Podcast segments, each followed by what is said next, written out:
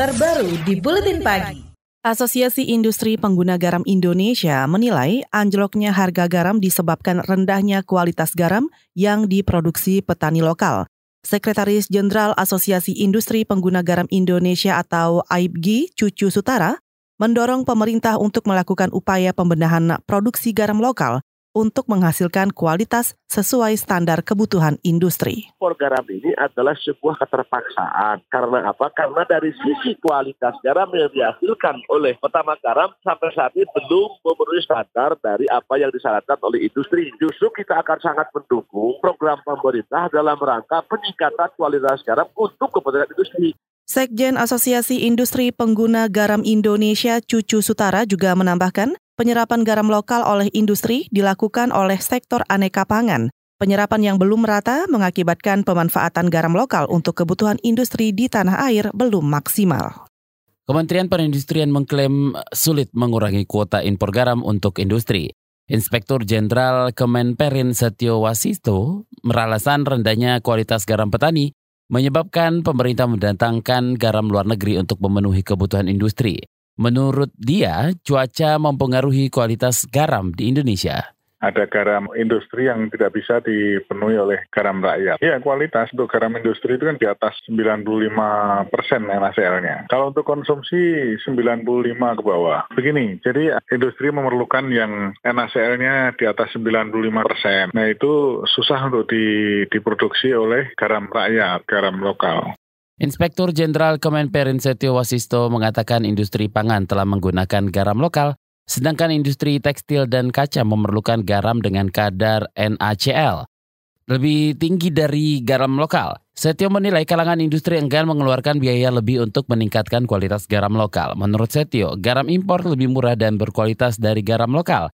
Data dari Kemenperin jumlah impor garam yang dilakukan pemerintah pada tahun 2018 mencapai 2,7 juta ton garam, Sedangkan semester awal tahun 2019, pemerintah telah mengimpor 1,2 juta ton garam.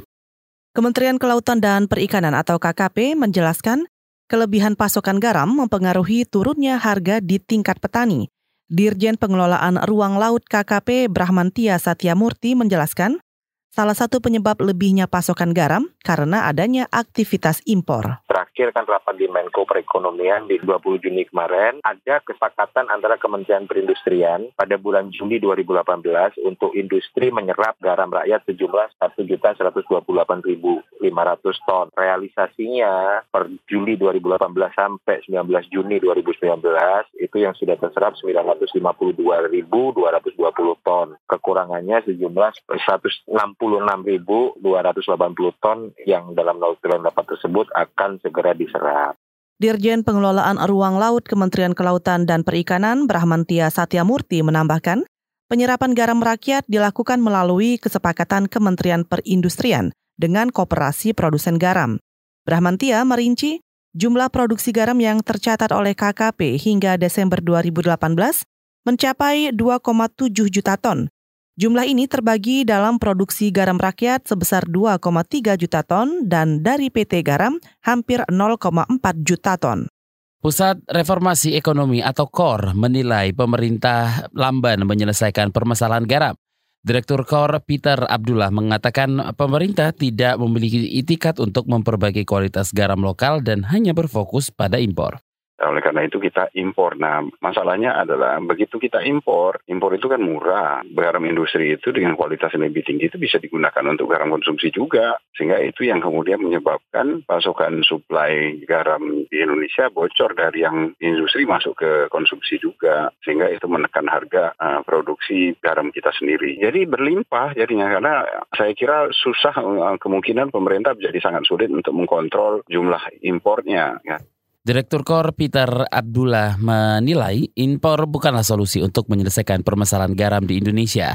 Peter mengatakan pemerintah cenderung membiarkan petani garam menggunakan cara tradisional, salah satunya hanya mengandalkan cuaca. Ia menambahkan pengembangan teknologi industri garam perlu dilakukan di Indonesia untuk meningkatkan kualitas garam dalam negeri. Petani garam di sejumlah daerah mengeluhkan rendahnya harga jual garam. Harga garam saat ini berkisar Rp400 per kilogram.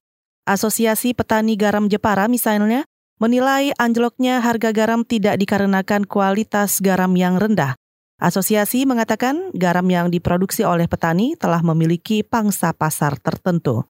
Sementara itu, kelompok usaha garam atau Kugar Makmur Bangkalan Madura terpaksa menutup tambak garam mereka dan berganti menekuni usaha lain karena harga garam yang terus turun. Petani garam Jepara dan Madura menilai turunnya harga garam diakibatkan karena pemerintah terus melakukan impor garam untuk kebutuhan industri. Petani mendesak pemerintah menetapkan harga eceran tetap garam. KBR, inspiratif, terpercaya.